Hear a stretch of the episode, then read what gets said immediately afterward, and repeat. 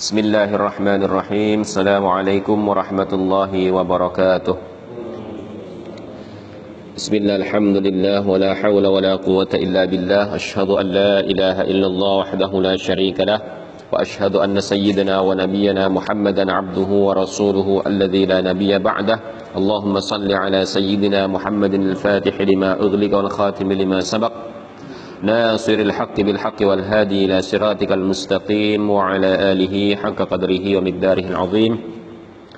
قال الله تعالى في كتابه الكريم وهو أصدق القائلين أعوذ بالله السميع العليم من الشيطان الرجيم. رب اشرح لي صدري ويسر لي أمري واحلل عقدة من لساني يفقه قولي. أما بعد. بسم الله الرحمن الرحيم. فينبغي لطالب العلم ayyathbutah wa yasbiru ala ustadin wa ala kitabin itu ya. fayambaghi maka sepantese li talibil ilmi kedua wong kang nyuprih ilmu kedua wong kang tele ilmu ayat apa yen to netepi sapa talibul ilmi wa yasbira lan sabar sapa talibul ilmi ala ustadin ing atase ustad guru. Wa ala kitabin lan ing atase kitab. Hatta la yatrukahu sehingga ora ninggal sapa talibul ilmi hu ing kitab abtarah.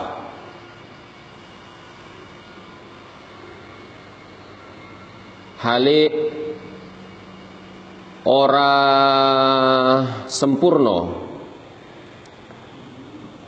Abataro hale ora sempurna sapa talibul ilmi? Wa ala fannin lan ing fan ilmu fan itu artinya disiplin ilmu.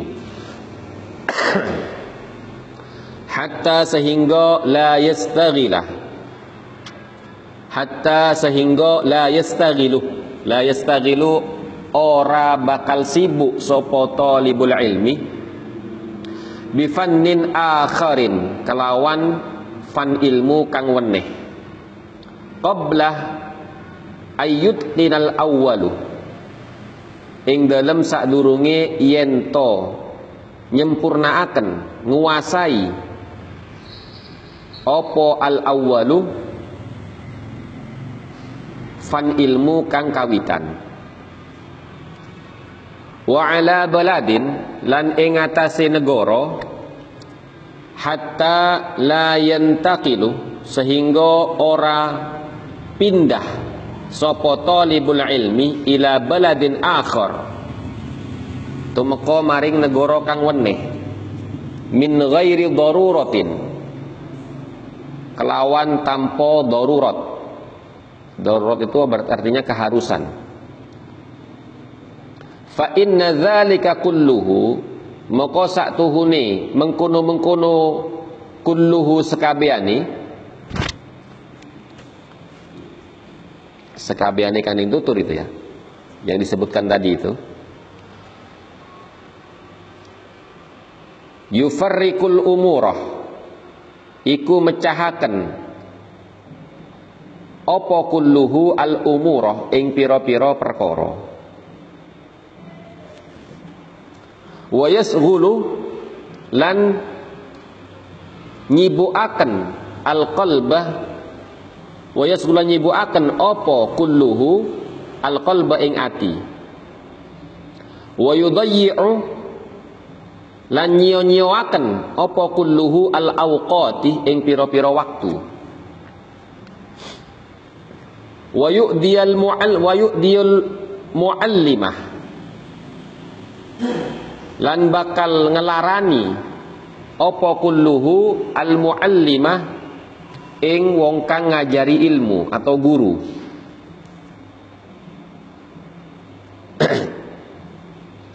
Wa yambaghi lan sepantese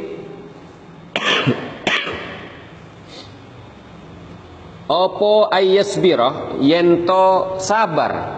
Sapa talibul ilmi amma saking ma barang turidu kang ngarepaken. Nafsuhu opo awake wong wa hawahu lan nafsune wong.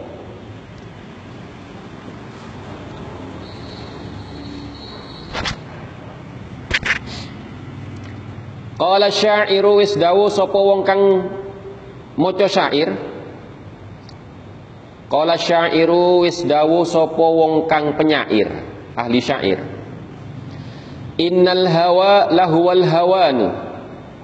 Innal hawa lahuwal hawanu.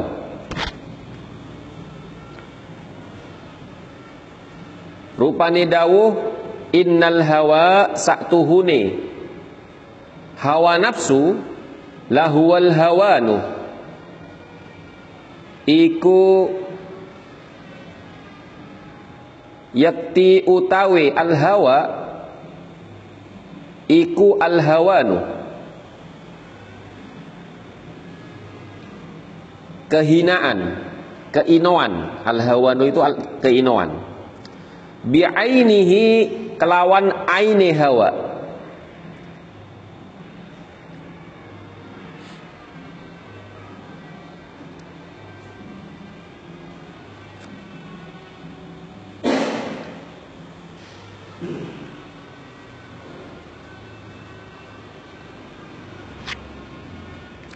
wa sari'u kulli hawa. Wa sari'u kulli hawa. Lan kang nibaaken. Saben-saben hawa nafsu sari'a hawanin. Ing panggonan tibone ing ing tumibone keinoan ing tumibone keinoan. Itu wa yasbiru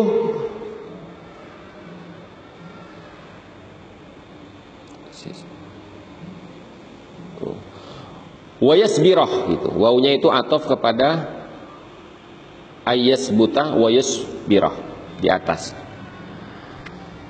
Wa yusbiru wa yusbirah lan yento sabar sapa talibul ilmi alal mihani ing atase pira-pira ujian. Wal baliyati lan pira-pira belai. Qila den dawuhaken khazainul mina utawi khazainul mina utawi apa ya? Khazain itu artinya peti untuk menyimpan sesuatu. Hah? Iya. Khazainul mina utawi berangkasi almina maksud perkara kang maksud ala qanatiril mihani iku tetep ing ngatasé piro-piro akehe cubo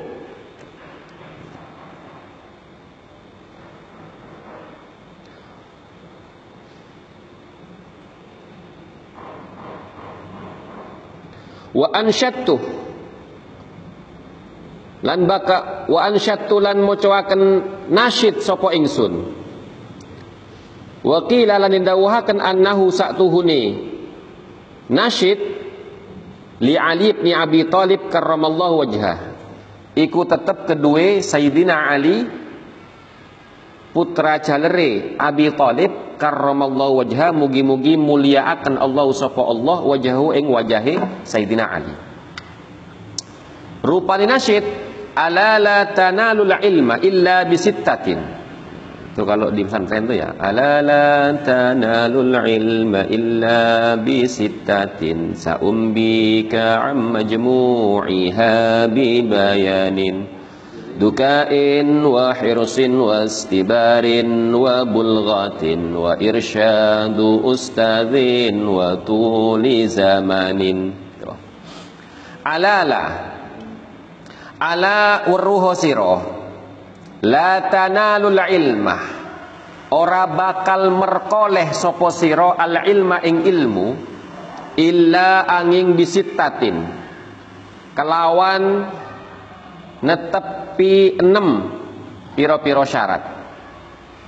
Saumbikah. Kang bakal nut kang bakal nuturaken sopo ingsun ka ing ammajmu'iha ing sekabehane. Syarat kang enem bibayanin kelawan pertelo.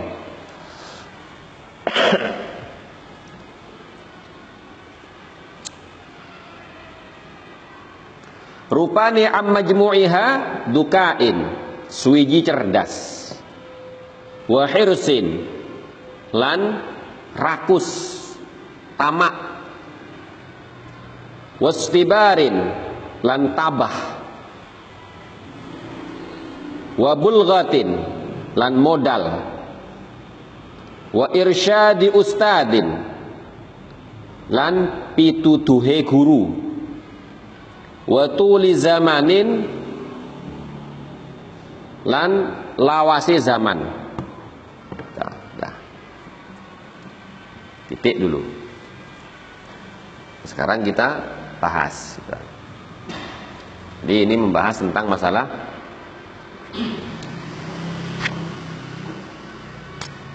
syarat orang itu bisa mendapatkan ilmu yang dia pelajari yang dimaksudkan itu adalah manfaat dan keberkahannya. Jadi banyak orang belajar ilmu tapi tidak mendapatkan manfaat dan keberkahan daripada ilmunya. Maka syaratnya ini. Satu fayam bagi li talibil ilmi.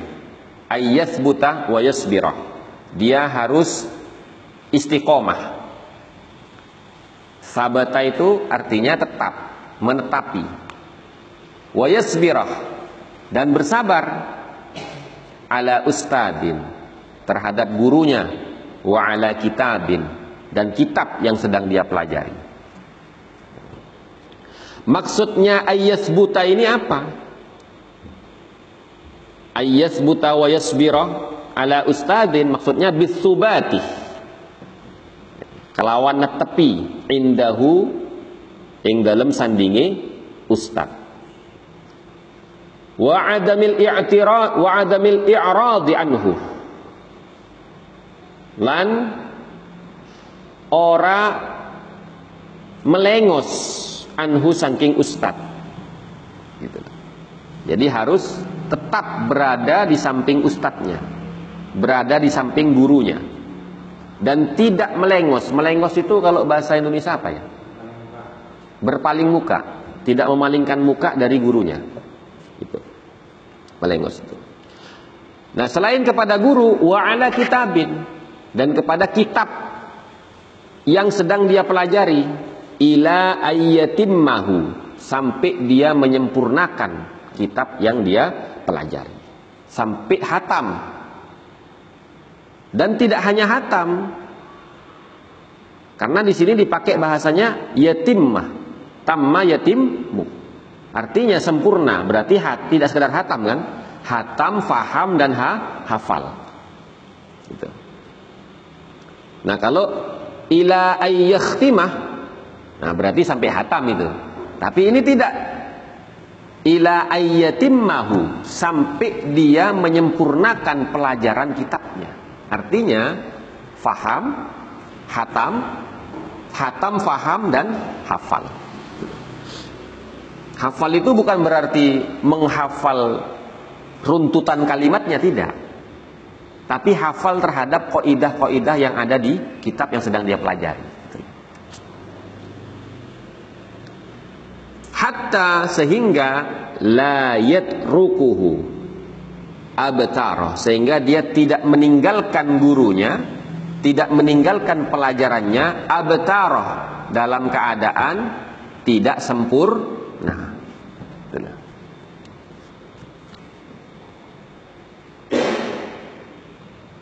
abtaroh utawi lafat abtaroh halun iku dadi hal min domiril maf'ul sangking domire maf'ul mana domirnya maf'ul hu dari lafat yatrukahu, yatrukuhu, ya.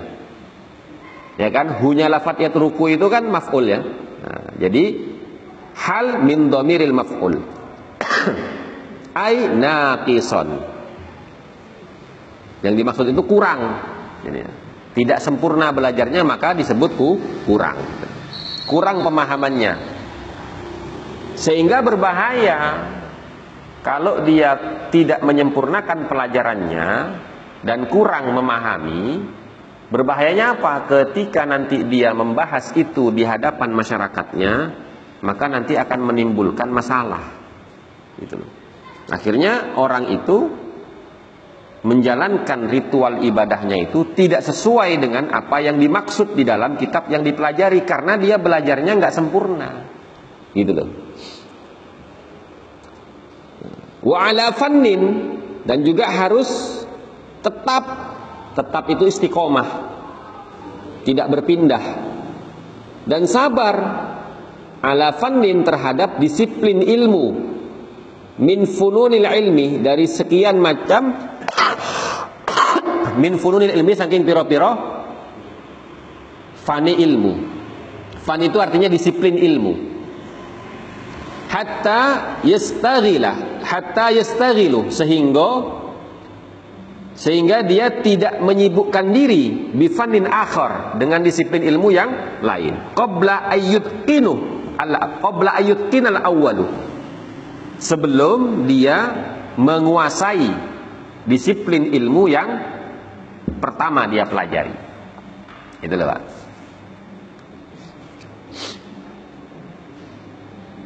Jadi orang itu kalau mau belajar, ya, jangan berpindah dari satu guru, jangan berpindah dari satu disiplin ilmu, dan jangan berpindah dari satu kitab sampai betul-betul dia ila ayatim mahu. Betul-betul dia menyempurnakan pelajarannya. Ini aslinya. Syaratnya orang belajar seperti itu. Tapi pada realitanya di akhir zaman ini enggak seperti itu. Gitu loh. Sehingga semuanya ngambang gitu loh Pak. Nah kalau muridnya yang ngambang itu mending. Tapi kalau gurunya yang ngambang itu repot. Karena apa? Nanti sampai ngaji di sini, terus ngaji di sana, terus ngaji di sana. Di sini bilangnya A, di sana bilang B, di sana bilang C. Kenapa? Sama-sama ngambang. Karena saya yakin kalau ilmunya sama-sama sempurna, artinya betul-betul dia hatam ngaji kitab itu, Mau ngaji di mana pun, siapa pun yang ngajarin, yang penting gurunya sama-sama hatam, pasti. Jawabannya, paling tidak, itu tidak akan berbeda jauh. Gitu loh. Itu.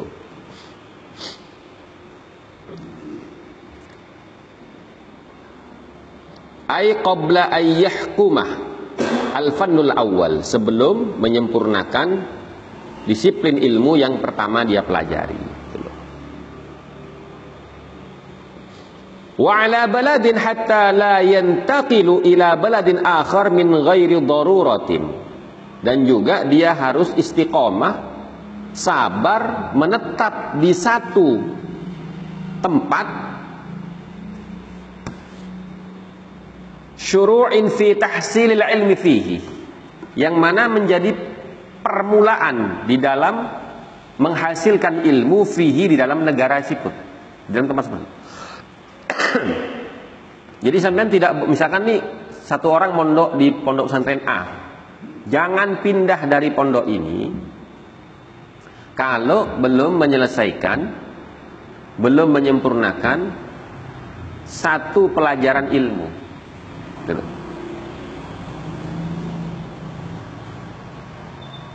Sehingga dia tidak berpindah-pindah tempat. Kecuali darurat. Yang dimaksud darurat di sini apa? Tujibul intiqalu. Nah, tujibul intiqal. Darurat itu artinya perkara yang mewajibkan al-intiqal untuk berpindah. Fa maka apabila ada kewajiban untuk berpindah fala sabil intikal maka tidak apa-apa dia berpindah fa inna dzalika kulluhu ya kan? Maka sesungguhnya yang demikian itu semuanya fa inna dzalika kullahu. Fa inna dzalika kullahu bin nasbih dibaca nasab. Karena apa? Takkidun takkidu dzalika menjadi taukid daripada isim isyarah zalika yakni yang dimaksud fa inna zalika kulluhu itu adamu itmamil kitabih. Ya kan? Tidak menyempurnakan pelajaran satu kitab.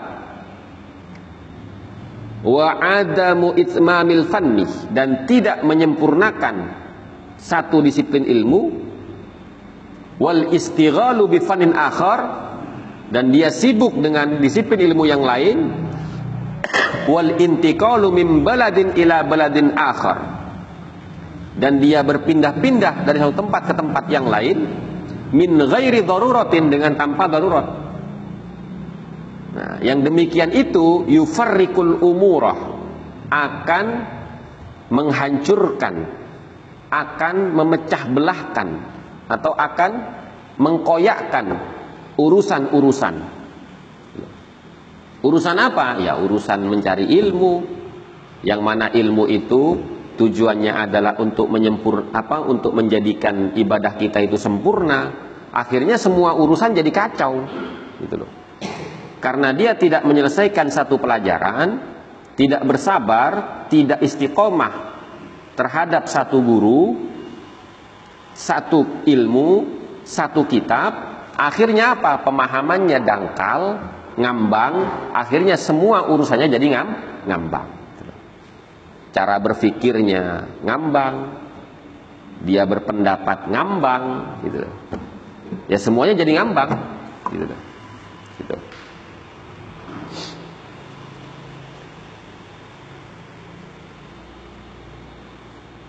Wa yasghalul qalbu dan akan menyibukkan hati Kenapa sibuk hatinya? Nah, kita kan tahu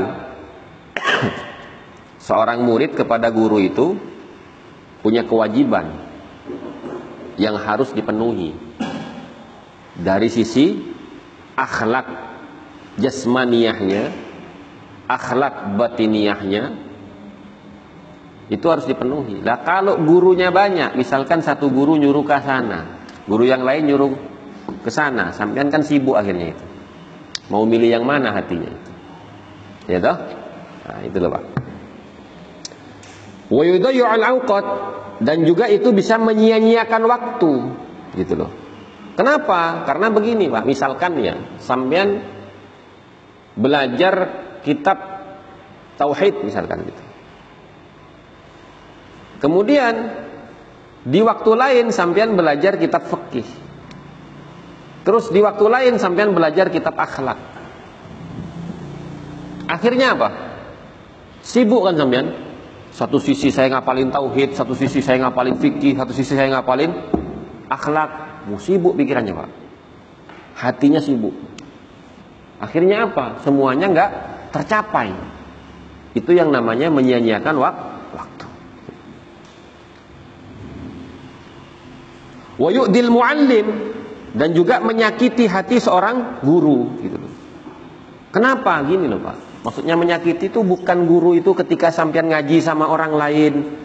Wah, murid saya kok ngaji ke sono ya? Bukan itu. Yang disebut menyakiti hati guru itu maksudnya gini. Semua guru itu mengharapkan muridnya itu mendapatkan ilmu yang manfaat dan barokah. Bukan mengharapkan apa. Tidak ngarepin rokok Pak Yasin. Tidak. Tidak, tidak. Tidak loh. Tidak ngarepin duit, tidak. Karena rokok sama duit itu gampang dicari. Yang diinginkan guru itu adalah memiliki murid yang sempurna ilmunya, manfaat dan barokah. Sehingga itu menjadi khazanah kekayaan amal dia. Itu kan amal jariah itu. Iya kan? Termasuk dari tiga kategori yang akan berpengaruh, bermanfaat di alam kubur. Idza matat nu Adam in amaluhu illa min salasin. Ketika anak Adam itu sudah wafat, maka semua amal ibadahnya akan terputus kecuali tiga perkara. Yang pertama, sedekatin jariyah. Sedekah jariyah. Yang kedua, aw ilmin yuntafa'u bihi. Ilmu yang bermanfaat baginya. Nah, termasuk salah satu ilmu yang bermanfaat itu adalah memiliki murid yang juga bermanfaat ilmunya. Gitu loh. Nah, ketika sampean ngaji sama saya, belum hatam ini sampean pindah ke sana. Terus lama nggak ngaji lagi ke sini. Itu kekecewaan kita Pak ya Allah. Saya harap dia itu bisa manfaat ilmunya. Ternyata dia nggak menyelesaikan pelajarannya. Itu yang dimaksud Pak. Bukan takut nggak ada jamaahnya, bukan, bukan itu, bukan itu, bukan itu. Nah itu yang disebut menyakiti hati seorang guru, gitu. Karena guru itu ketika sampean, makanya kan ya, saya sering cerita ya, Zaman dulu itu orang kalau mau belajar ilmu nggak gampang pak. Kalau sekarang kan gampang. Tinggal bikin musola, gotong royong, habis itu jadi, panggil ustadz suruh ngajar, udah. Zaman sekarang itu gampang kayak begitu. Kalau zaman dulu kita mau belajar itu sulitnya luar biasa. Sering kan saya cerita itu. Satu contoh misalkan. Kiai Abdul Karim, pendiri Pondok Pesantren Lirboyo, itu kan mondok di Syekhona Khalil. Ya kan? Nah, mondoknya itu masyakkah gitu. Masyakkah itu bagaimana? Masyakkah itu susah payah, Pak. Penuh dengan perjuangan dan pengorbanan. Karena dia nekat cari ilmu lillahi taala, berangkat ke Syekhona Khalil, ya kelaparan, Pak. Kelaparan, Pak. Karena orang tuanya nggak punya nggak punya apa-apa, nggak punya bekal. Akhirnya apa? Untuk mencukupi kebutuhan hidupnya, sekedar asal bisa dia makan kenyang, dia bantuin para petani memanen padinya. Sehingga selesai dia bantu, dia setiap pulang itu bawa gabah ke pondoknya. Begitu pulang masuk ke pondoknya Syahuna Holil ditanya apa itu? Gabah Kiai. Eh sini sini, buat saya. Ayam saya itu belum makan, tak kasih makan ayam aja. Bayangin pak. Dikasih nggak? Dikasih. Iya kiai, kasih. Setiap hari diminta sama kiainya. Akhirnya apa? Terpaksa dia makan daun mengkudu, ngerowot. Dulu pak. Tapi karena ikhlas dan tidak sakit hati dengan perilaku gurunya, jadi pak. Begitu dia selesai, dibilang sama Syekh Nahodin, kamu tahu enggak? Saya itu dari awal sampai sekarang, setiap kamu bawa padi, saya minta untuk saya kasih makan ayam saya. Bukan saya nggak tahu, saya tahu bahwa padi itu kamu susah payah dapat untuk kamu makan. Karena kamu nggak dikirim sama orang tua kamu, karena nggak punya. Tujuan saya apa? Supaya kamu nggak makan nasi, supaya kamu ngerowot di sini. Sehingga kamu meninggalkan kampung halaman, meninggalkan orang tua, nekat, nggak punya modal sama sekali, cuman satu lembar baju yang kamu pakai ada hasilnya. Itu loh Pak. Makanya manfaatul ilmi ya yata'allaqu bimasyaqqatihi. Manfaatnya ilmu itu tergantung daripada susahnya kita mendapatkan ilmu itu. Makanya anak santri zaman dulu itu ngerawat semua Pak. Sering apa istilahnya kalau zaman sekarang tuh mutih tidak makan barang yang hidup. Makan tumbuh-tumbuhan. Tapi dulu yang dimakan itu biasanya daun mengkudu. Tuh. Ada lagi satu kisah itu kan. Sampai kamu mau mondok sini? Iya kiai itu benar benar kiai. Duduk di situ. Duduk di tengah lapangan panas pak siang hari dikurungin. Pakai kurungan ayam. Jangan ke mana-mana. Nggak ke mana-mana. Sampai seharian. Baru dikeluarin nama kiainya. Kenapa? Gini pak. Kalau kita melihat dari cerita Imam Syafi'i, Imam Syafi'i itu ketika belajar sulit untuk memahami ilmu yang dia pelajari. Sampai dia mengeluh kepada gurunya. Dan itu diabadikan dalam syairnya. Syakautu ila waki'in su'ahifdi. Saya mengeluhkan diri kepada guru saya akan sulitnya saya memahami ilmu. Fa'arsyadani ila tarkil ma'asi. Maka guru saya itu memberitahu saya agar supaya saya mampu meninggalkan maksi maksiat. Fa akhbarani bi anna ilma nurun.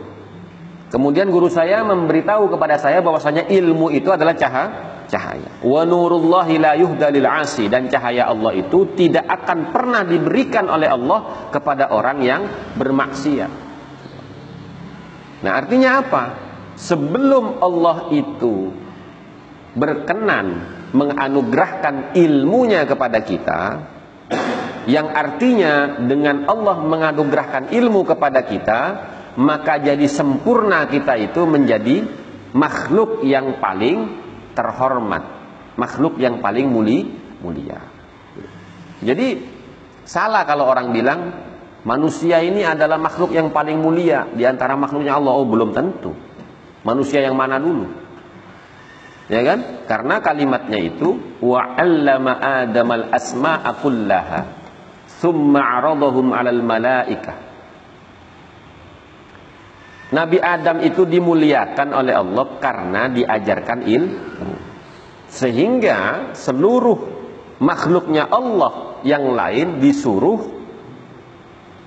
sujud menghormat kepada Nabi Adam.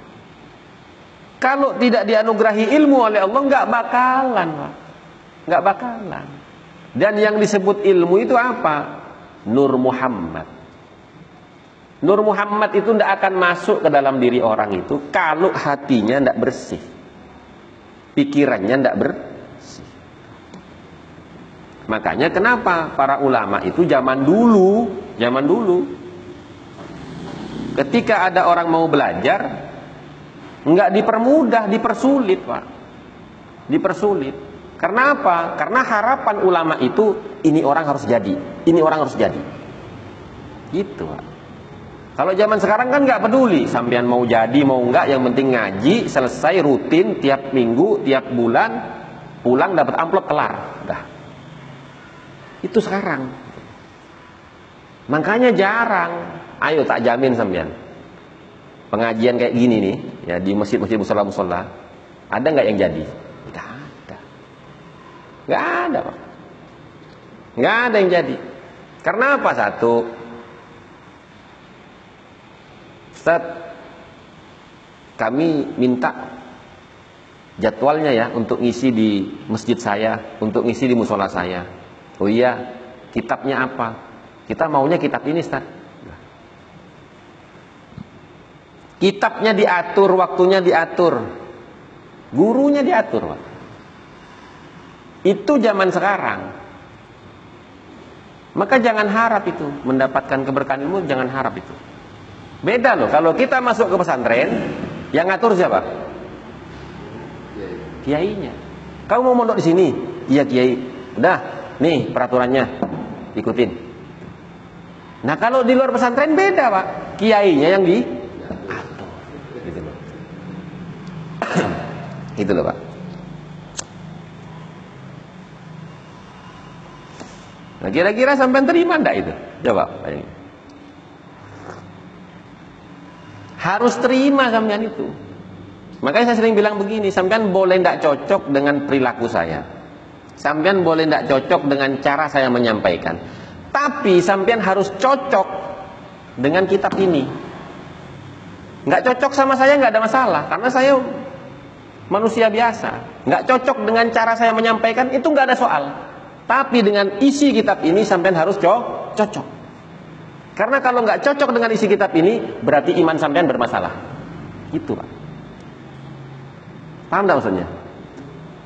Nah kalau sampean ngaji kitab itu yang dilihat saya nggak masuk isinya ini. Sampean mau ngaji kitab ini apa ngaji saya?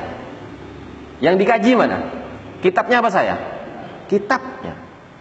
Kalau sayanya sama kayak sampean, pasti punya salah. Ya kan? Pasti punya dosa, pasti punya kekurangan ajaran, pasti ya macam-macam namanya manusia toh. Tapi yang kita kaji kitabnya. Gitu loh, Pak.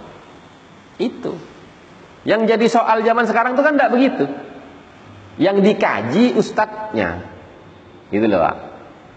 Nah, maka sampean biar paham kenapa saya begini supaya sampean tuh sadar bahwa yang sampean kaji bukan saya. Ini loh. Ini loh kitabnya itu. Jadi kalau keluar dari sini sampean wah, Gus Hasan kok begitu ya. Nah, itu begonya sampean. Sampean ngaji saya apa ngaji kitab? Gitu loh. Itu.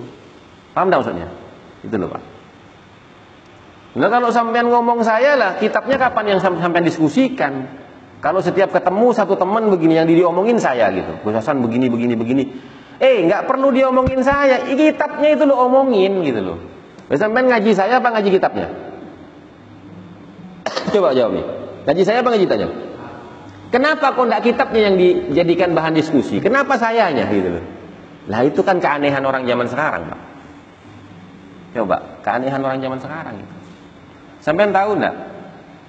Kenapa ulama-ulama zaman dulu itu kok banyak yang sukses? Kenapa coba? Karena dia tidak mengkaji gurunya. Yang dikaji itu adalah kitab yang diajarkan oleh gurunya. Adapun gurunya kan manusia biasa. Pasti punya sah? salah.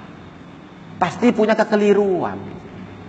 Yang jadi masalah itu kita mengkaji gurunya. Itu.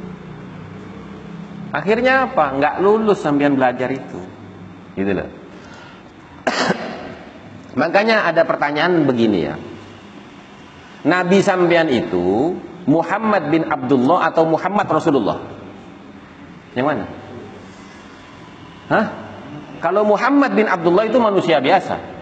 Tapi kalau Muhammad Rasulullah itu adalah luar biasa. Paham gak maksudnya?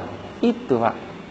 Itu harus nancap di sampean itu. Makanya taklimu talid itu mengatakan pertama yang sampean harus jadikan pondasi adalah ilmu tahu tauhid. Kalau tauhidnya tidak klop, tauhidnya nggak sempurna, tauhidnya nggak pas, gagal gagal, gagal sampean itu, gitu loh. Jadi cara saya begini itu sebenarnya apa? Untuk memancing sampean berpikir. Yang kita kaji itu siapa sih sebenarnya? Gitu loh, gitu loh Pak.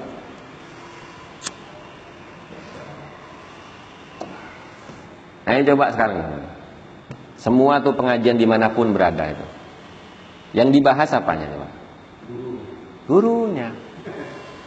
Ayo coba nih habis maulid misalkan, kita ngundang ustadz ini, seren. Wah pengajian kemarin ustadznya kurang lucu, kurang ini, kurang ini dan bukan isi yang disampaikan pak yang didiskusikan itu. Benar nggak? Ayo banyak kan? Nah itu, itu pak. Setan yang tidak disadari oleh kita nggak disadari oleh kita. Gitu. Maka semua ustadz itu harus berperilaku seperti ini. Supaya apa? Supaya melepaskan ikatan setan, jerat setan untuk menjauhkan kita dari ini.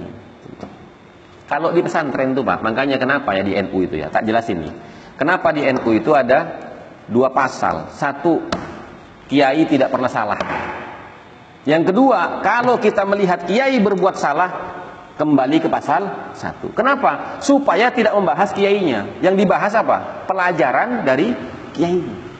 Itu loh Pak. Akhirnya apa? Di pesantren itu nggak ada santri itu bahas, wah kiai suka begini, enggak. Yang ada itu apa? Muhawarah, ya kan? Muhawarah. Kitabnya yang dibahas tuh. Sampai lihat Basul Masail di YouTube. Enggak cocok, oh enggak bisa Kiai. Soalnya ini begini, di kitab ini begini, begini, begini. Nah, itu muhawar biasa itu, Pak. Seperti itu. Coba. Itu loh yang sampean harus pahami itu loh. Nah. Dah. Makanya harus sabar. Karena apa? Karena guru yang benar itu bukan hanya mendidik lisan jasmani sampean, tapi rohani sampean juga dibangun. Kenapa? Karena ilmu itu tidak akan masuk kalau wadahnya belum dipersiapkan. Gitu. Tadi itu wa nurullahi la yuhdalil asi. Cahaya Allah itu tidak akan diberikan kepada orang yang suka bermaksiat. Maksiat paling besar itu apa coba? Sampai Nabi katakan khaslatani laisa fawqahuma minasyar. Dua perkara yang tidak ada yang lebih buruk dari dua perkara itu. Satu su'udzon billah. Berburuk sangka kepada Allah. Yang kedua, berburuk sangka kepada hamba Allah. Itu, Pak.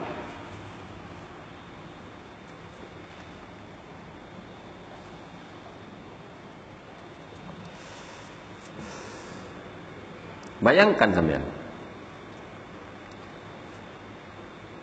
Sadar nggak itu? Ya kan, semua tuh. Kayak orang kayak orang nonton bola kan. Yang dibicarakan itu bukan prestasi pemain bolanya, tapi kesalahannya. Coba.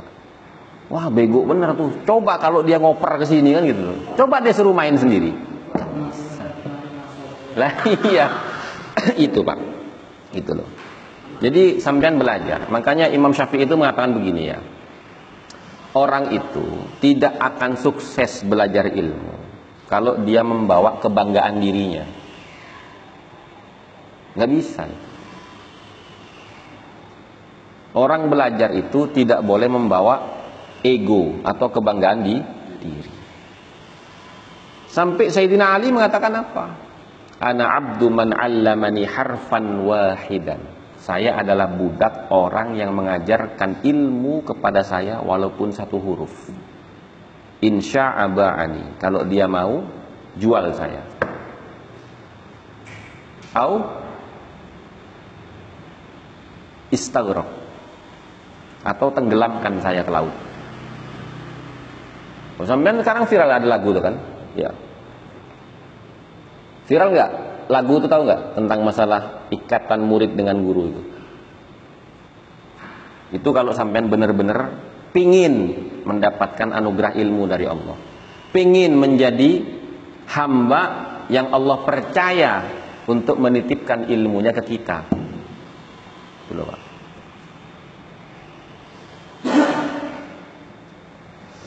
Man ana itu loh, Pak. Coba sampean pahami syairnya itu. Man ana man ana man ana laulakum. Siapa diri saya ini? Enggak ada artinya saya ini kalau tanpa petunjuk dari guru-guru saya. Sampai terakhir kalimatnya itu, lau waridi bihaddi madi Terus dia bersumpah kan? Fawallahi ana fi hawakum radi. Seandainya engkau memotong urat leher saya, maka demi Allah. Artinya memotong urat untuk menebus ilmu yang kau berikan kepada saya. Tebusannya itulah engkau memotong urat leher saya dengan bihaddi madi, dengan pisau yang tajam fa wallahi ana fi hawakum radi. Saya ridho dengan itu. Demi Allah saya ridho dengan itu. Bayangkan Pak. Nyawa sampean itu nggak bisa nebus satu huruf itu. nggak bisa. Makanya Allah katakan dalam hadis kutsinya, la yashkurullah man la yashkurun nas.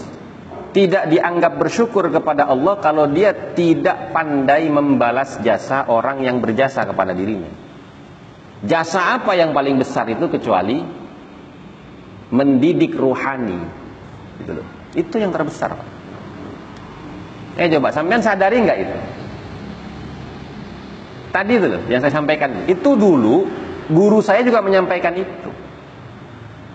Coba kau kalau ngaji, pulang dari pengajian yang kau bahas itu ilmu yang saya ajarkan atau perilaku saya. Itu guru saya bilang begitu. Kalau kau yang dibahas perilaku saya dan cara saya menyampaikan, pulang aja nggak usah mondok. Pulang aja nggak usah mondok. Karena kau datang ke sini mau ngaji kitab, bukan mengkaji diri saya. Itu guru saya bilang begitu. Dan itu jarang disampaikan. kecuali di pesantren. Makanya saya berharap sampean punya anak itu masukkan ke pesantren, Pak. Karena di situlah tempat yang benar-benar gudangnya ilmu di situ. Di luar ini nggak ada. Kita ngaji ini hanya untuk minimal menghapus kewajiban kita sebagai orang Islam yang berkewajiban mencari ilmu. Dan yang kedua, berharap mudah-mudahan dengan pengajian kita ini bisa memundurkan 40 tahun waktu kiamat yang ditentukan Allah. Itu doang. Kalau benar-benar mau ngaji ya ke pesantren, nggak bisa di sini, nggak bisa itu. Makanya saya suka ketawa itu kalau ada kajian perbandingan madhab, ada kajian ini nggak mau ngapain bilang gitu. Kitab yang kecil-kecil itu loh, supaya orang gampang hafal akidatul awam itu penting. Coba yang ngaji kitab perbandingan madhab itu kira-kira jamaahnya hafal nggak akidatul awam itu? Bismillahi wa rahmani wa birahimi daimil ihsani sampai terus hafal nggak kira-kira itu? Tidak bakalan. Padahal itu pondasi keimanan bagi ahlus sunnah wal jamaah. Dan sampean tahu ndak? Kitab Aqidatul Awam itu bukan dikarang oleh manusia. Syekh Marzuki yang menulis Aqidatul Awam itu, itu dia mimpi, Pak. Mimpi didatangi Nabi Muhammad SAW beserta dengan sahabatnya yang empat. Sayyidina Abu Bakar, Umar, Utsman, Ali. Mimpi disuruh eh Marzuki tulis apa yang saya tulis dari Rasulullah. Nih, saya mau ngomong tulis. Nabi yang ngomong itu abda'u bismillahi wa rahmani wa ihsani. Itu Nabi. Begitu bangun dia hafal, Pak. Sampai dua kali loh. Kenapa nggak kau tulis kata Nabi itu? Akhirnya ditulis. Pak. Itu Nabi itu yang nyuruh Syekh Marzuki untuk menulis kitab Aqidatul Awam. Enggak diapalin. Padahal Nabi jamin orang yang hafal itu akan terbebas dari azab kubur. Akan terbebas dari azab neraka dan dimasukkan ke surga bi ghairi hisabin wala Kan gampang, Pak. Jadi umat Nabi ini enak, Pak. Mau pilih mana sampean? Ngapalin tabarok ya kan? Ngapalin Yasin, ngafa. Kalau sulit al-ikhlas saja udah. Apalin tuh. Karena apa? Malaikat itu tidak akan berani siksa sampean kalau ada Quran di hati sampean. Loh, al-ikhlas memang bukan Quran. Quran loh Pak al-ikhlas Pak. Quran loh Pak. Itu Pak. Oh, ya.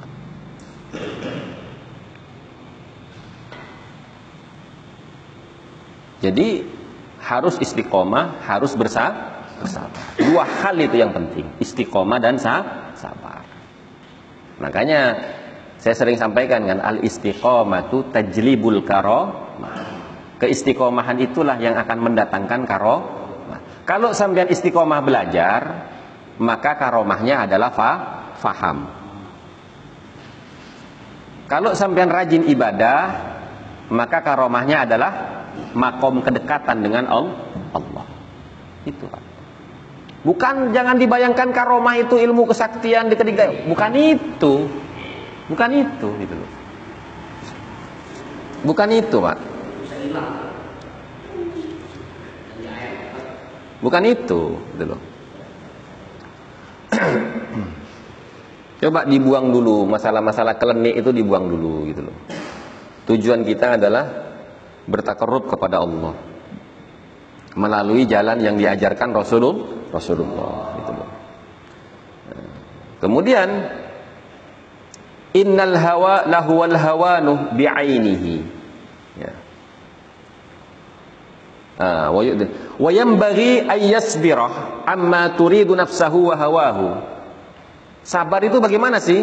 Tadi menet, net, yasbutu itu artinya adalah istiqomah istiqomah. Ayas buta itu artinya istiqomah, tetap istiqomah. Terus sabar itu bagaimana? Sabar selain sabar menghadapi perilaku gurunya, Karena kita yakin bahwasanya perilaku guru itu adalah bagian dari cara guru mendidik jasmani dan ruhani kita.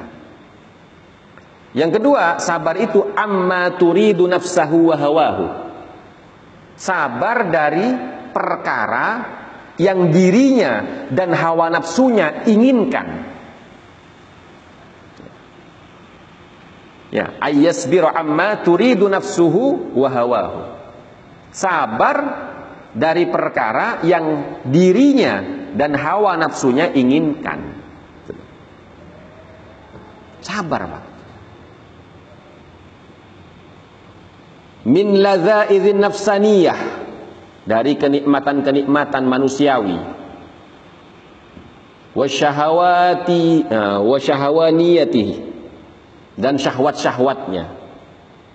Ya kan orang itu kan pengen makan yang enak-enak. Ya toh pengen pokoknya pengen enak lah gitu terus syahwatnya itu pengen santai pengen tiduran pengen gak hadir pengajian gitu. Yes, pokoknya itu syahwat itu. Kenapa? Karena nafsu itu selalu membawa kepada keburu keburukan.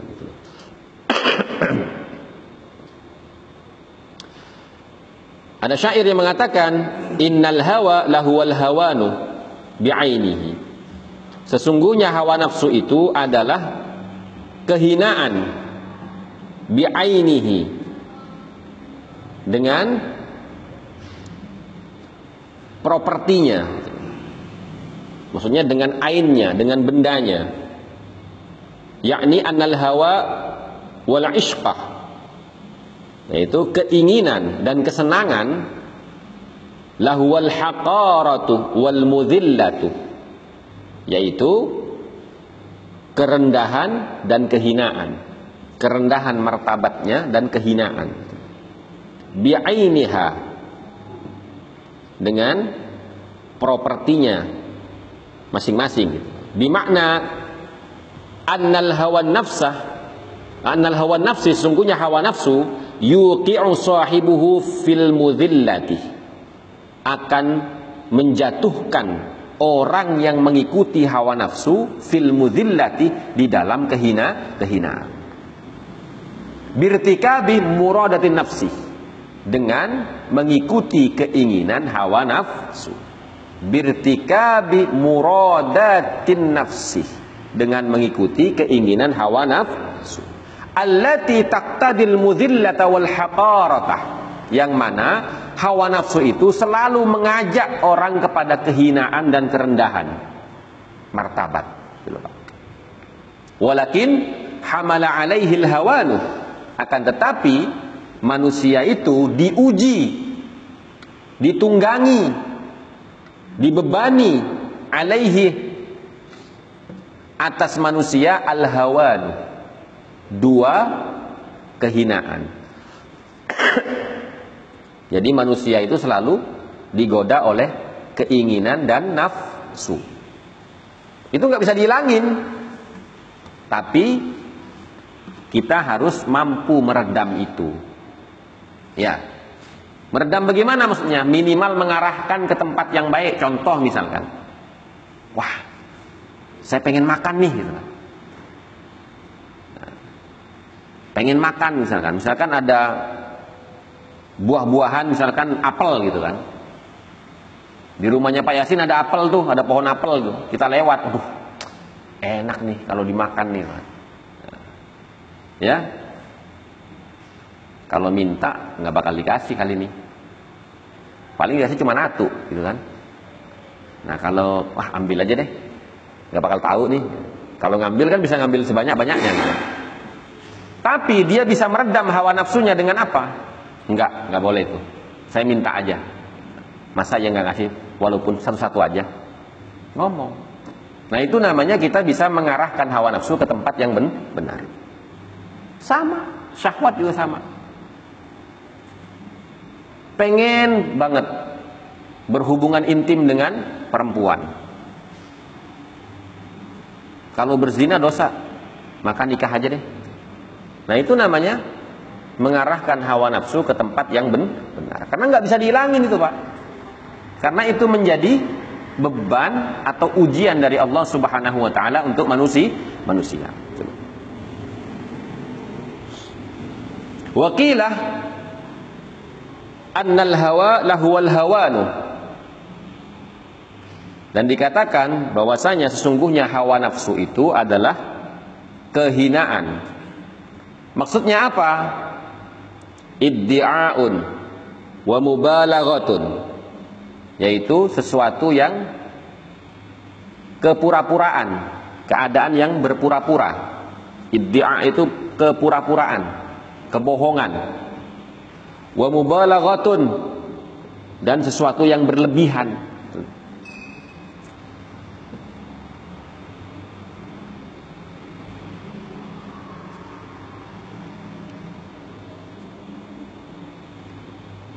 Yang dimaksud dengan syari'u kulli hawa syari'u hawan masru'un masru'u kulli hawa wa maghlubihi masru'un li kulli hawanin wal haqarati yakni maksudnya itu anna man ghalaba alaihi hawa barang siapa yang hawa nafsunya menguasai dirinya.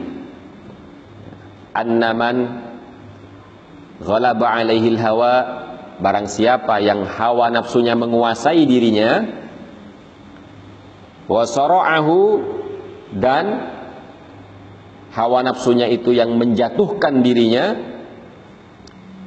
maka yaghlabu alaihi hawan maka kehinaan akan menguasai dirinya. Wal mudhillatu dan juga kehinaan. Fayasiru maka jadilah orang itu mustakbihan orang yang disifati buruk wa mustankiran dan orang yang selalu ingkar. Jadi dinasehati bantah. Dinasehati bantah. Contoh ini misalkan. Tak kasih contoh sampean. Tak tanya dia. Kayak tadi itu masalah yang di grup itu katanya. Kira-kira.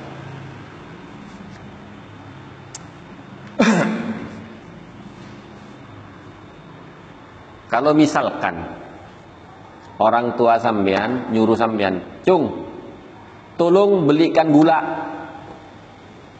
Tolong belikan gula. Dan orang tua sampean itu menyuruh sampean ketika jam sampean ngaji. Padahal guru sampean bilang, "Jangan sampai telat ya ngajinya ya." Kira-kira sampean berangkat beli gula apa berangkat ngaji? Yang mana?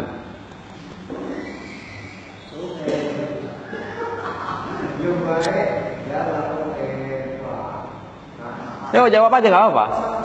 Jawab aja nggak apa-apa. Salah kan nggak apa. Namanya kita belajar kan ya. Misalkan nih orang tua kita perintahkan kita beli gula, cung, tolong belikan gula. Dan ketika dia nyuruh beli gula itu pas di waktu kita ngaji. Kira-kira Bagaimana tuh sikap kita? Hah? Nah? Beli gula? Oke. Okay. Coba. Eh jawab aja nggak apa?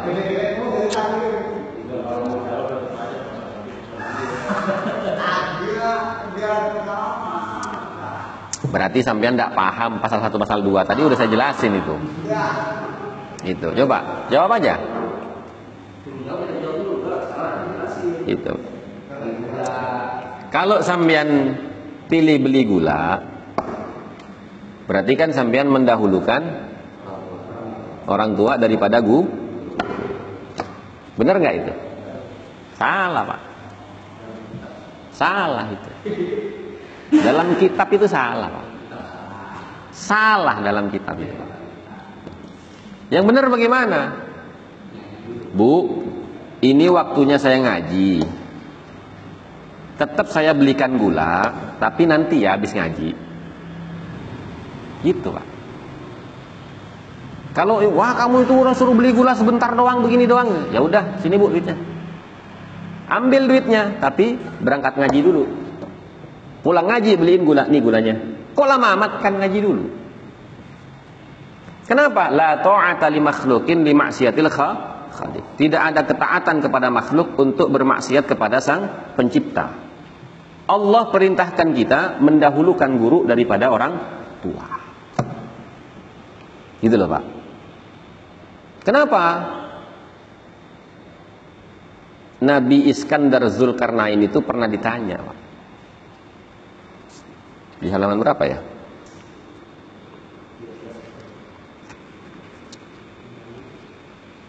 Nah, ini di halaman 17 tuh sambil buka. Ya. Di situ ada hadis Nabi kan?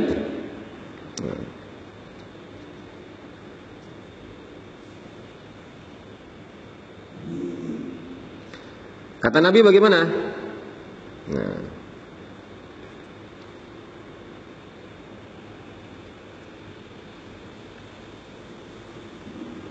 Fa inna man 'allamaka maka sesungguhnya orang yang mengajarkan ilmu kepada kamu harfan satu huruf mimma tahtaju dari perkara yang kamu butuh ilaihi terhadap perkara tersebut fid dini di dalam agama ai fi amrid din di dalam urusan agama fahuwa abu kafiddin maka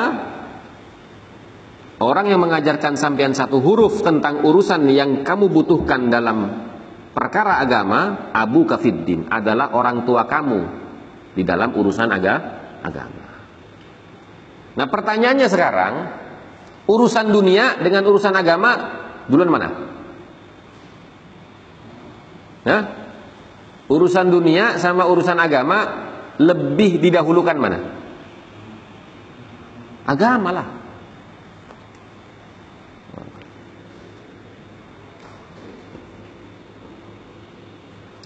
Fa innahu maka sungguhnya rawa anhu sallallahu alaihi wasallam sama lihat di halaman 17 tuh. Biar saya tidak dikira mengada-ngada. Sampai buka kitabnya itu, halaman 17. Fa innahu maka sungguhnya rawa anhu sallallahu alaihi wasallam annahu qala bahwasanya Nabi bersabda khairul aba Sebaik-baik orang tua man 'allamakah, yaitu orang yang mengajarkan ilmu kepada kamu. Betul Pak?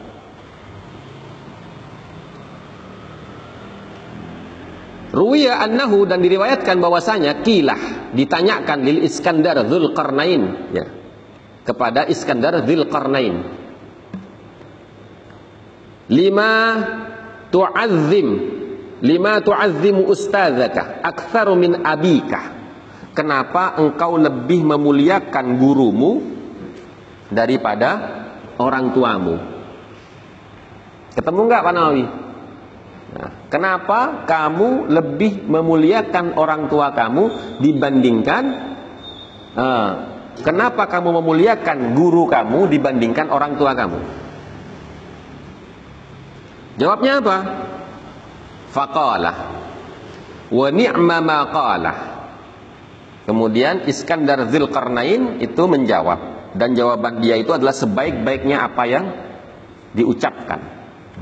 Li anna abi anzalani minas sama'i ilal ardi. Karena sungguhnya orang tua saya anzalani yang menjadi sebab turunnya saya minas sama dari langit ilal ardi ke dunia ke dunia.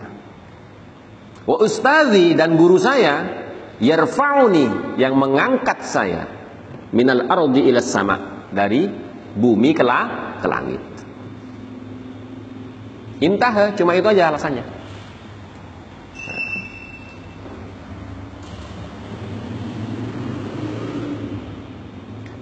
Wa maqalah dan maksud dari apa yang diucapkan oleh Iskandar Zulkarnain tadi itu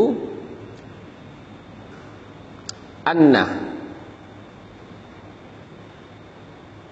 ta'allaqa ruhu bil badani fi arhamil ummahat sesungguhnya bergantungnya ruh atau terikatnya ruh di dalam badan ini fi arhamil ummahat di dalam rahim para ibu huwa nuzuluhu itulah proses turunnya ruh tersebut min alamil malakut dari alam malakut ila alamil kauni ke alam dunia ini wal fasad dan alam kerusakan. Sampian dulu itu ada di alam malakut, Pak.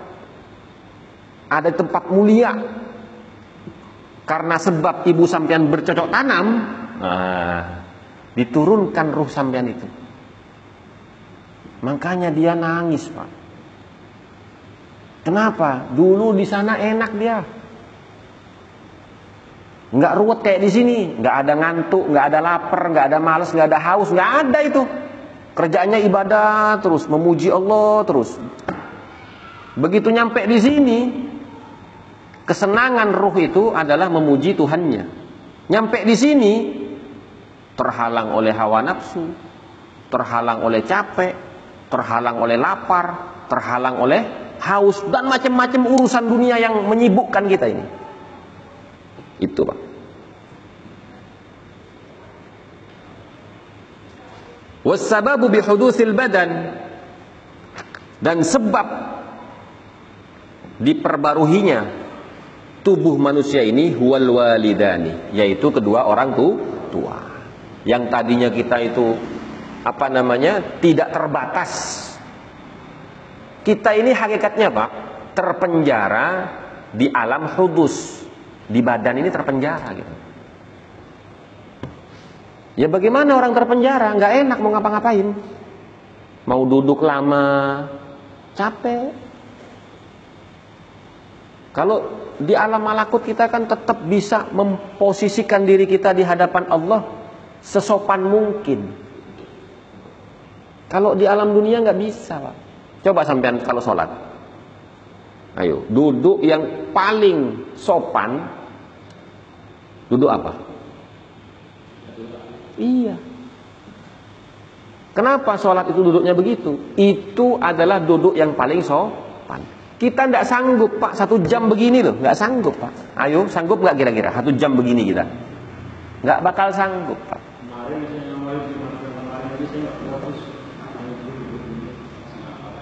Iya iya iya.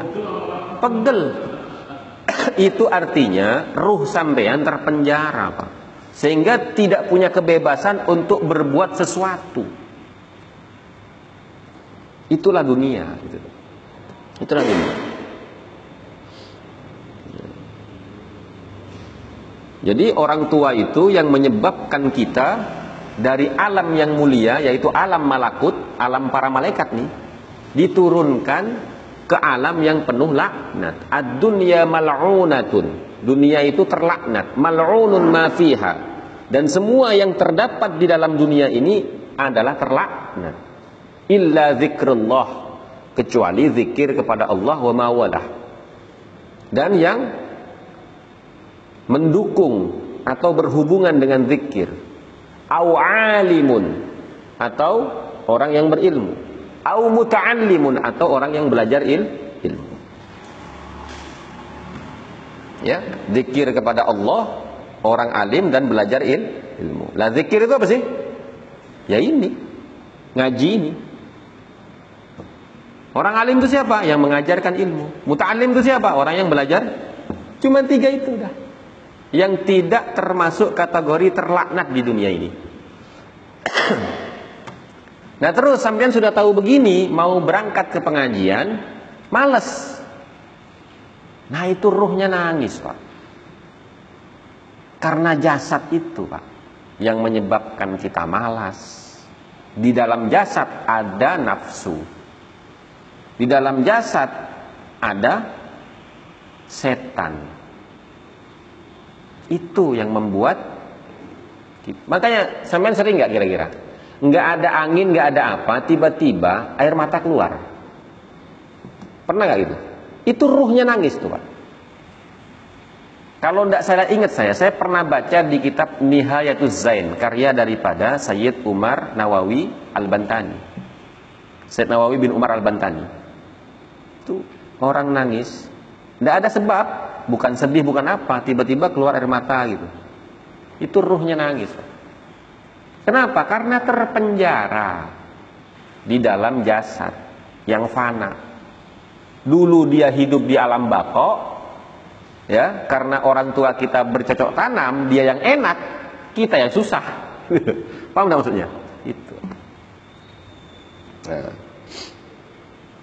Terus ini.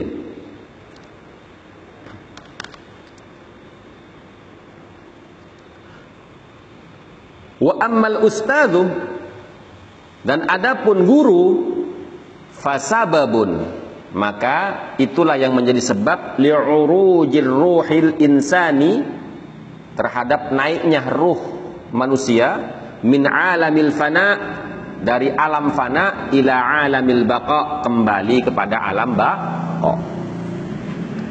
Bisababi takmili bil ma'arifir rabbaniyati dengan sebab sempurnanya pengetahuan ketuha ketuhanan gitu loh Pak nah yang bisa mengarahkan sampean untuk kembali ke alam malakut itu adalah ilmu. Ilmu itu yang diajarkan oleh para guru. Itu Pak. Itu, Pak. Makanya, wong sampean mau diajak naik ke alam malakut kok. Lebih mendahulukan diajak ke alam fana. Kan gitu.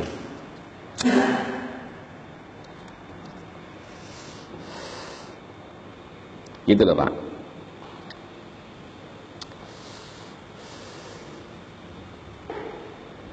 Terus wa kana ustaduna Syekh Imam Saliuddin Asy-Syairazi yaqulu qala masyayikhuna man arada ay yakuna ibnahu aliman barang siapa yang pengen punya anak yang berilmu fayambagi ayyura'i ala sighatil ma'lum ayyura'a ayyura'i al-gharba min al-fuqaha wa yukrimuhum wa yukrimahum wa yu'azzimahum wa yu'tihim syai'an nah, itu Pak hendaknya sampean itu ber apa namanya? Yuro'a itu kan bahasanya kan mengembala ya. Artinya mengembala itu artinya menjaga orang-orang alim. Menjaga para ulama. Yang dijaga apanya? Semuanya pak. Wah. Contoh nih kayak sampean bilang wah ada Gus Hasan rokoknya Samsu dibeliin. Ya. Oh Gus Hasan senengnya minum kopi disiapin itu bagian kecil daripada ayyura'a. Kalau pengen punya anak ah, alim, itu yang pertama. Kemudian wa yukrimahum memuliakan. Oh, saya datang sampai tidak berdiri. Saya yang muter salaman. Coba sampean lihat Pak. Jamaah saya itu. Bukan saya pengen dihormati enggak, sampean harus begitu kalau pengen punya anak alim. Karena anak sampean mondok semua. Sampean harus begitu. Kemudian wa yu'tihim syai'an dan memberikan suatu ay yatasaddaqu alaihim bi syai'in min malihi walau kana qalilan. Makanya tradisi di Indonesia itu hebat, Pak. Setiap kita sawan kiai, ya, minimal rokok satu bungkus sama amplop. Kenapa? Harapannya anak kita oleh Allah dijadikan orang alim seperti para ulama. Maka kemarin tuh ada teman yang ikut Gus, saya mau ikut Gus. Ya udah ayo kalau mau ikut. Ketika Mbah Yai Abdullah Kafabihi Mahrus datang dari Surabaya, dia nyambangi Gus Yasin muridnya. Udah pengajian malam Senin libur, pindah ke sana. Sana semua, Pak. Saat nggak ada pengajian rasanya, pindah ke sana. Pindah ke sana, saya jelasin sama teman-teman, kenapa saya ngajak ke sini sampean supaya bisa mencium tangan ulama. Perlunya apa? Satu. Ini tangan suka dibuat untuk membuka kitab. Ya kan? Baik dalam rangka mengajarkan ilmu kepada muridnya, baik ketika dia mutolaah di dalam kamarnya. Terus dia pakai untuk berzikir maka dengan sebab itu kita cium tangan ulama itu sambil berdoa ya Allah jadikanlah anak turun saya seperti beliau. Ketika mencium tangan ulama itu. Gitu Pak. Dan siapkan uang walaupun berapapun yang kamu punya 10 ribu kasih 20 ribu kasih saya bilang gitu. Sampai lihat nih saya siapin gitu. sampai lihat saya. Saya masuk ke sana itu ngesot Pak ikutin saya itu saya ke jamaah saya begitu Pak jadi mohon maaf saya kalau ngajar orang itu tidak hanya selesai ngajar kitab, pulang selesai enggak. Setiap hari saya tuntun terus. Saya tanya, caranya begini, caranya begini, caranya begini, caranya begini. Harapan saya apa? Sampean itu jadi orang mulia berikut dengan keturunan sampean nanti. Enggak hanya di sampean aja gitu. Gitu. Masalahnya kita nggak bisa seperti itu karena kita tidak tahu ilmunya. Dan kadang-kadang orang mau menyampaikan ini gengsi. Takut dikira pengen dihormati. Terserah sampean, sampean menganggap saya menyampaikan ini, sampean pengen saya dianggap pengen dihormati sampean itu terserah. Yang penting isinya seperti itu.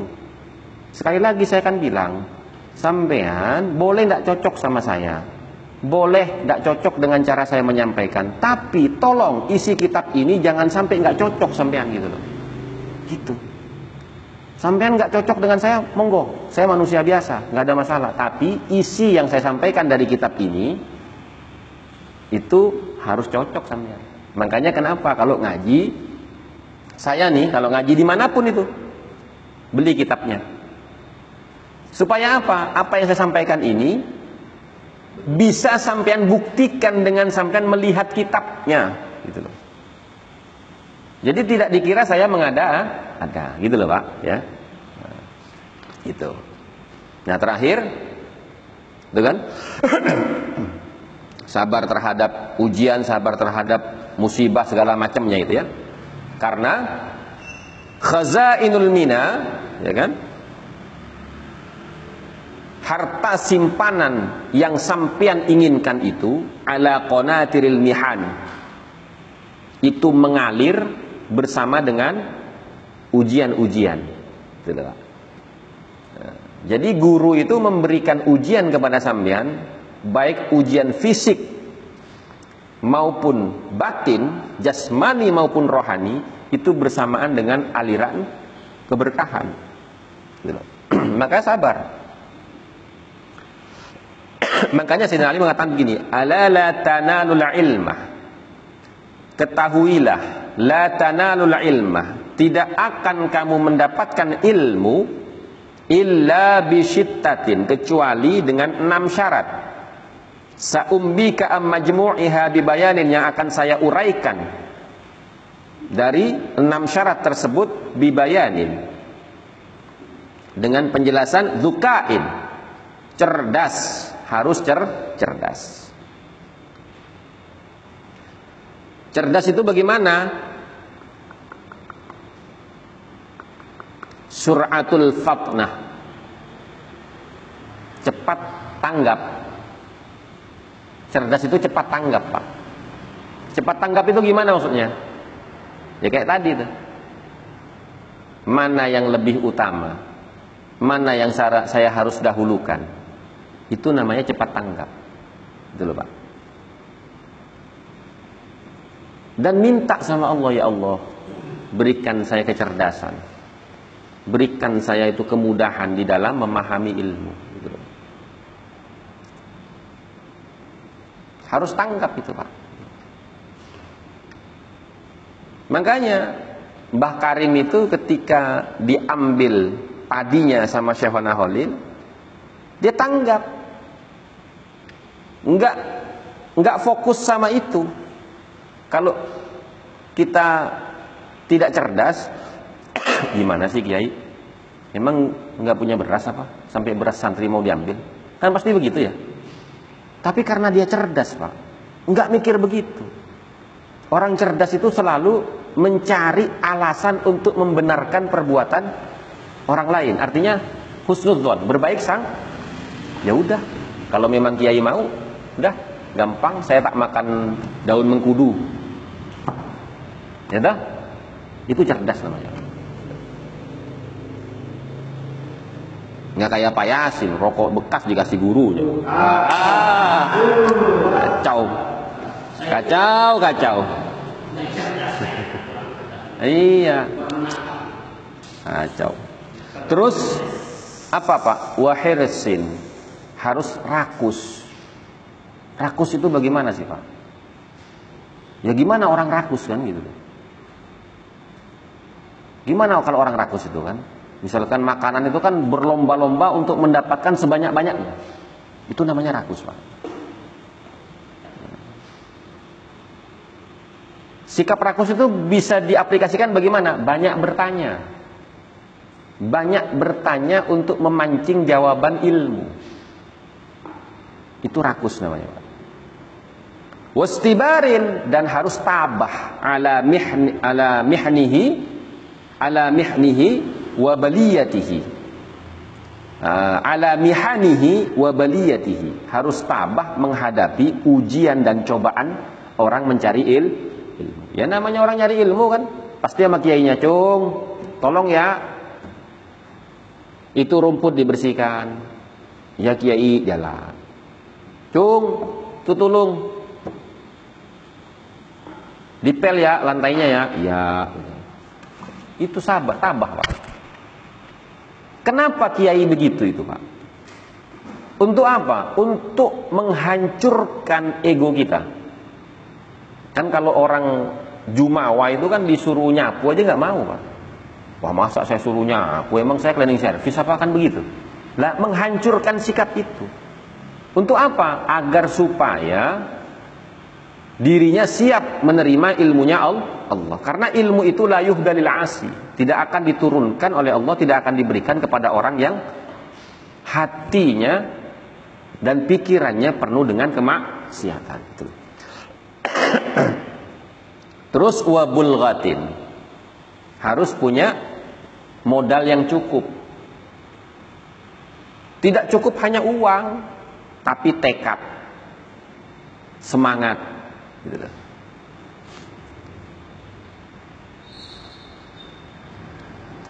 Wa irsyadi ustadin Ya maksudnya bulghatin itu bidammil ba wa sukunil lam bulghah. Ai kifayatum minal is.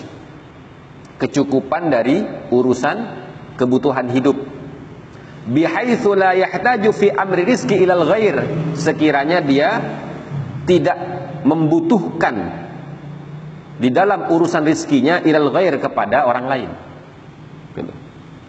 Jadi kalau di pondok itu, orang mondok itu udah apa yang ada dimakan gitu. Enggak sampai keluar dari pondok hanya minta-minta ke tetangga, enggak. Gitu. Atau sampai saking ininya oh, sampai ngutang-ngutang sama teman-temannya itu enggak, enggak. Apa yang ada tuh cukup. Gitu. Karena apa? Itu melatih dirinya untuk bersikap sederhana, sederhana. Fa innal ihtiyaju yashusul qalbah. Karena sungguhnya kebutuhan itu bisa mengacaukan hati. Nah, kalau sampean belajar, ya kan lagi fokus belajar, terus aduh pengen mangan bakso nih tapi nggak ada ini, wah ribet pak.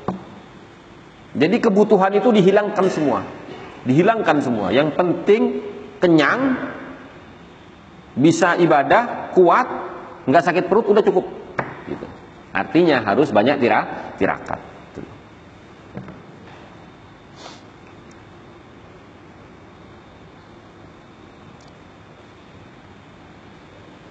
Fala yumkinu tahsinul ilmi maka tidak akan mungkin dia bisa menghasilkan ilmu kalau hatinya galau gitu. Jadi galau karena aduh kiriman telat gitu kan. Galau karena apa namanya? duitnya kurang gitu.